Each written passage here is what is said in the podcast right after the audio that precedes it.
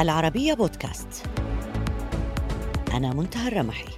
أقدم لكم حلقة جديدة من البعد الآخر. أهلا بكم.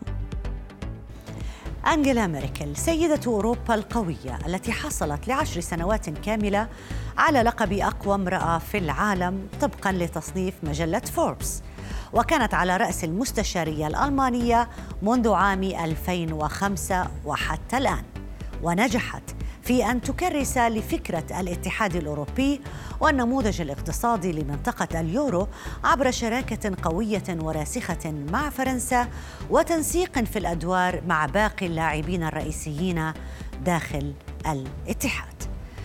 في الخريف المقبل سيكون أمام الاتحاد الأوروبي مواجهة متغيرين جذريين قادمين من ألمانيا، الأول هو اعتزال المستشارة الألمانية أنجيلا ميركل والثاني هو الانتخابات الألمانية التي قد تقدم مؤشرا واضحا لمستقبل تيارات اليمين المتطرف في أوروبا خلال السنوات المقبلة.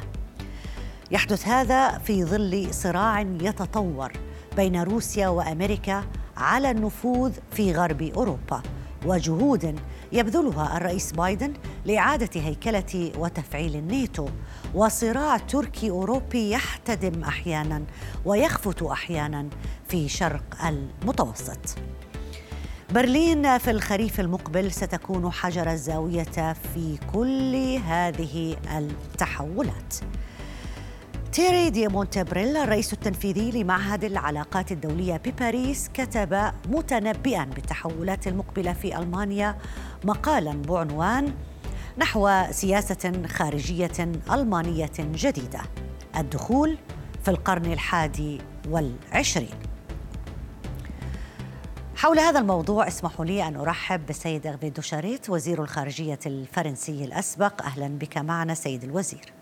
دعنا نبدأ من فرنسا وألمانيا وهما القوتان الأهم في الاتحاد الأوروبي. هل العام المقبل سيحمل تغيرات تغيرات ملموسة آه، في الاتحاد؟ Écoutez, l'élection du président du nouveau d'une nouvelle majorité الانتخابات الألمانية المقبلة هي في صلب كافة التساؤلات بطبيعة الحال لما لها من صلة مع بمستقبل الاتحاد الأوروبي. إن الحزب الديمقراطي المسيحي حزب أنجيلا ميركل سيفوز وفقا للتوقعات ولكن ربما سيحتاج هذا الحزب لتحالفات بحسب النتائج مع الحزب الاشتراكي الديمقراطي وهو حزب يساري أو حزب يساري آخر وهو حزب الخضر آه، في ألمانيا. وهذا طبعا سيغير بعض المعطيات. فحسب التحالف سنشهد واقعا ربما مختلفا في ألمانيا. وسيكون هناك طبعا مستشار من الحزب الديمقراطي المسيحي إذا حصل على الأغلبية وشكل تحالفا. وسيكون هناك أيضا في شهر أبريل انتخابات رئاسية آه، فرنسية.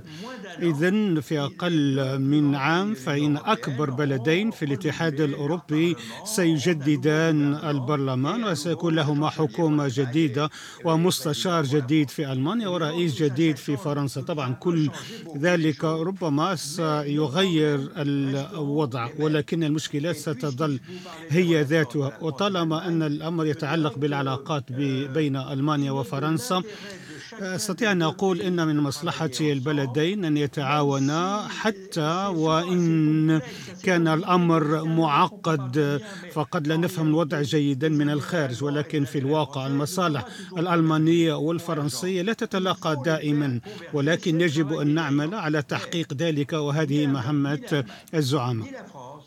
وليس ولا يمكن لألمانيا ولا فرنسا حل مشكلاتهما أو تحقيق طموحاتهما أو تحقيق النجاح دون أن يكون هناك ثقة أو صلة وثيقة مع الطرف الآخر. إذا نستطيع أن نقول أن فرنسا وألمانيا لهما مصير مشترك وهذا هو الواقع بغض النظر عن الأطراف الأخرى. ولكننا في باريس نأمل بأن الرئيس الرئيس الفرنسي سوف يعاد انتخابه وسيكون عليه التعامل ربما مع المستشار الألماني وهو زعيم الحزب الديمقراطي المسيحي وهذا أفضل خيار بالنسبة إيه؟ لنا المستشارة الألمانية أنجيلا ميركل يعني قضت فترة طويلة في الحكم وتغير عليها رؤساء فرنسيون الآن إحنا نتحدث عن آه، اتجاه آخر في ألمانيا عن تغيير للمستشارة الألمانية آه، كيف تتصور تعقيدات المشهد أو سيناريوهات المشهد في أوروبا مع غياب هذه المرأة القوية؟ طبعا تجربة السيدة ميركل كانت ميزة بالنسبة لألمانيا وبالنسبة لشركائها كان أمرا مناسبا وجود زعيم نعرفه جيدا ونعرف ردود فعله وأفكاره أيضا.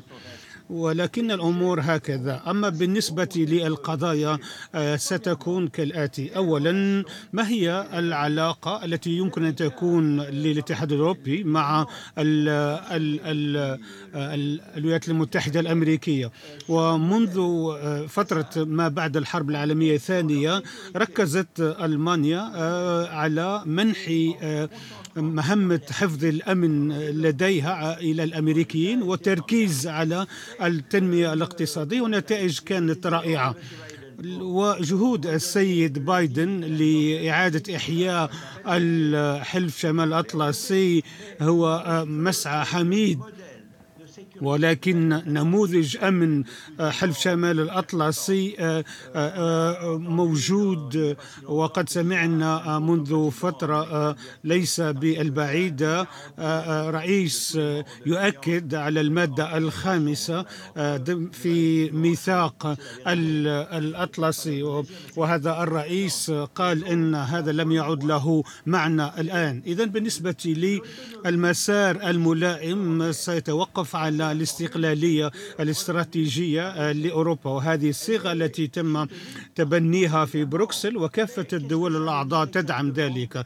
لكن ما معنى ذلك؟ وإلى أين يمكن أن نصل في هذه الاستراتيجية أو الاستقلالية الاستراتيجية الأوروبية؟ وكيف يمكن موائمة هذه الفكرة دون أن يؤدي ذلك إلى التخلص عن الحلف الأطلسي؟ إذا هذه مسألة أساسية.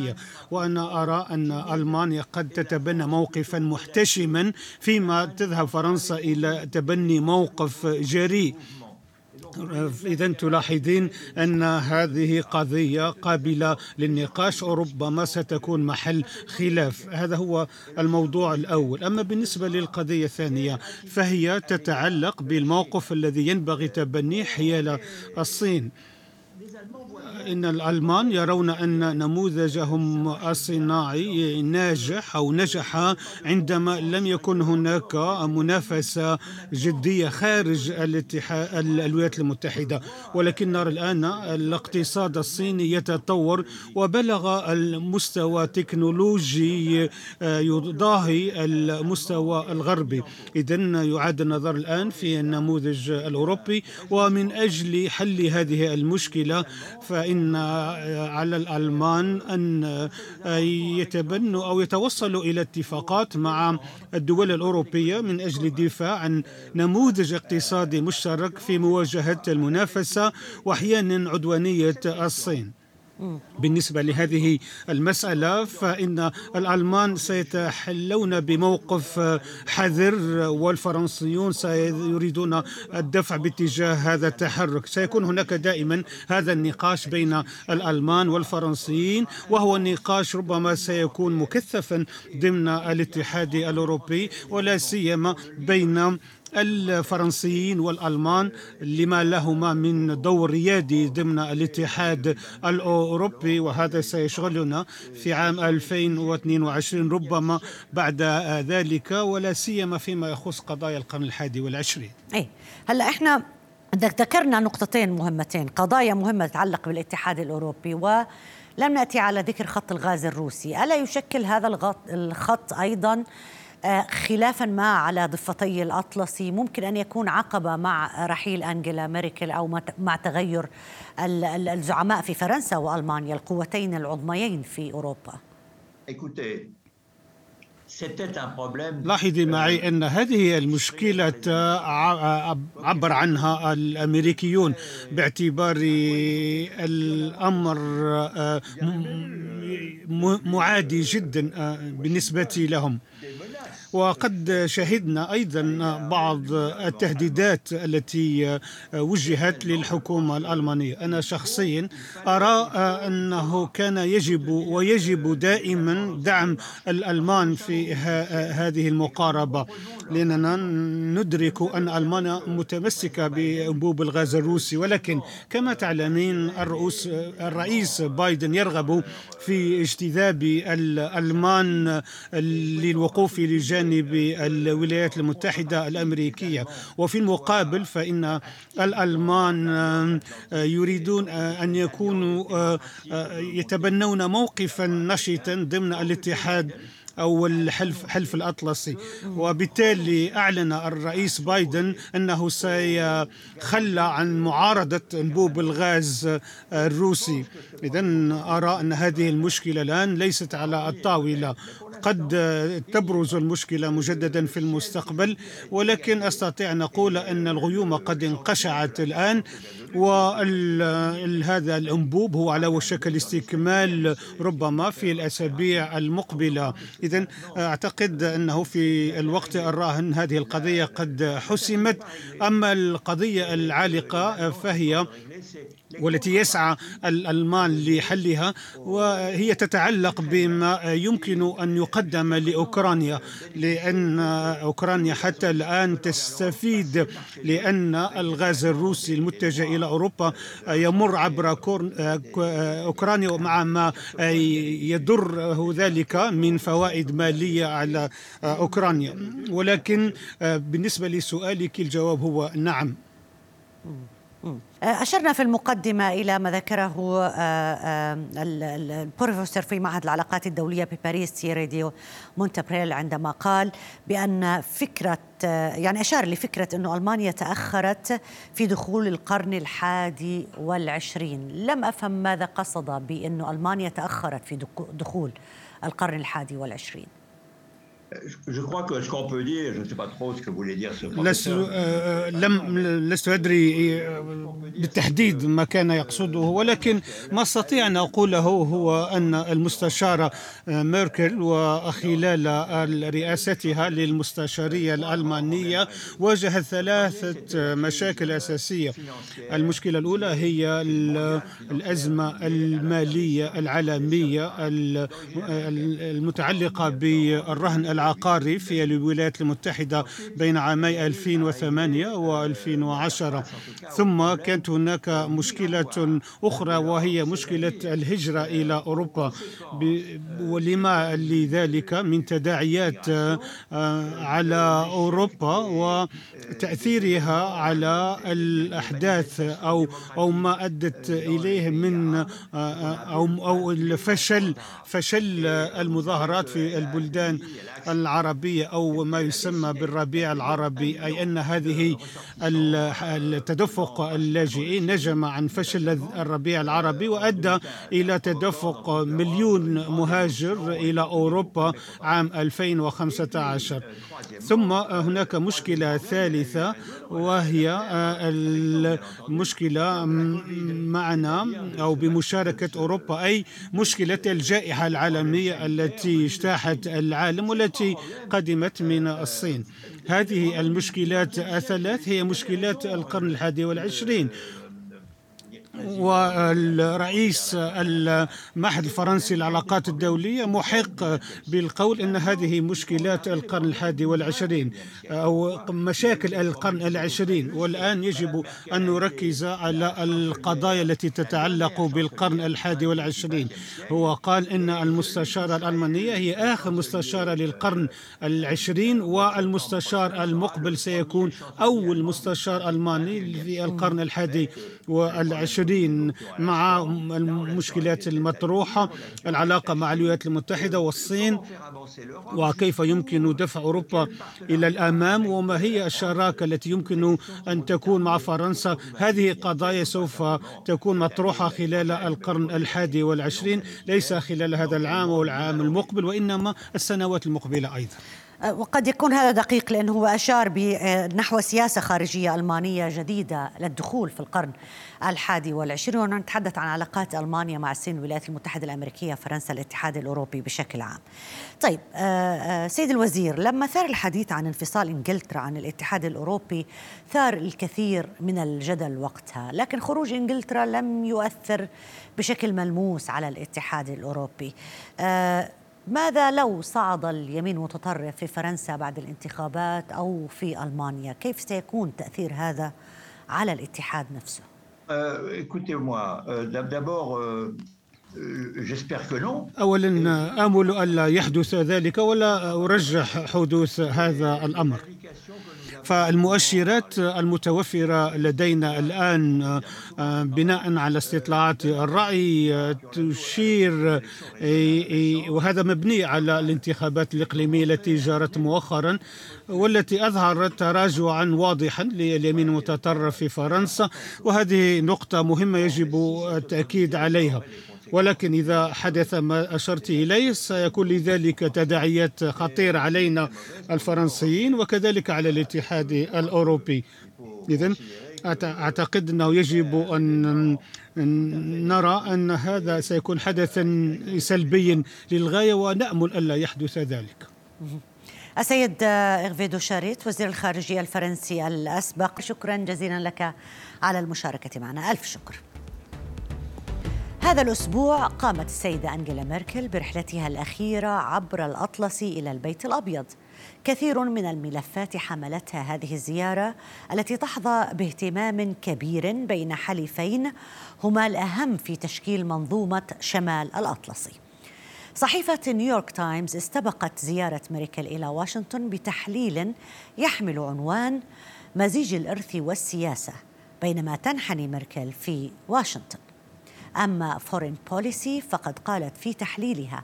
الذي نشرته في الأسبوع السابق للزيارة قالت بايدن وميركل سيصدران كل الضجة المطلوبة في اجتماعهما هذا الأسبوع لكن التوترات العميقة عبر الأطلسي مستمرة. حول تأثير المستشارة الألمانية أنجيلا ميركل العميق في العلاقات بين الولايات المتحدة الأمريكية والاتحاد الأوروبي أسمحوا لي أن أرحب بضيفي جيفري راثكي رئيس المعهد الأمريكي للدراسات الألمانية المعاصرة بجامعة جونز هوبكنز بواشنطن العاصمة. أهلا بك معنا سيد جيفري. شكرا جزيلا على الاستضافة. دعني ابدا معك بالملفات العديدة والساخنة التي جمعت بين الولايات المتحدة الأمريكية والاتحاد آه، الأوروبي. أهمها التجارة مع الصين آه، أنابيب الغاز الروسي. مثل هذه الملفات بتصورك هل ستتأثر برحيل ميركل؟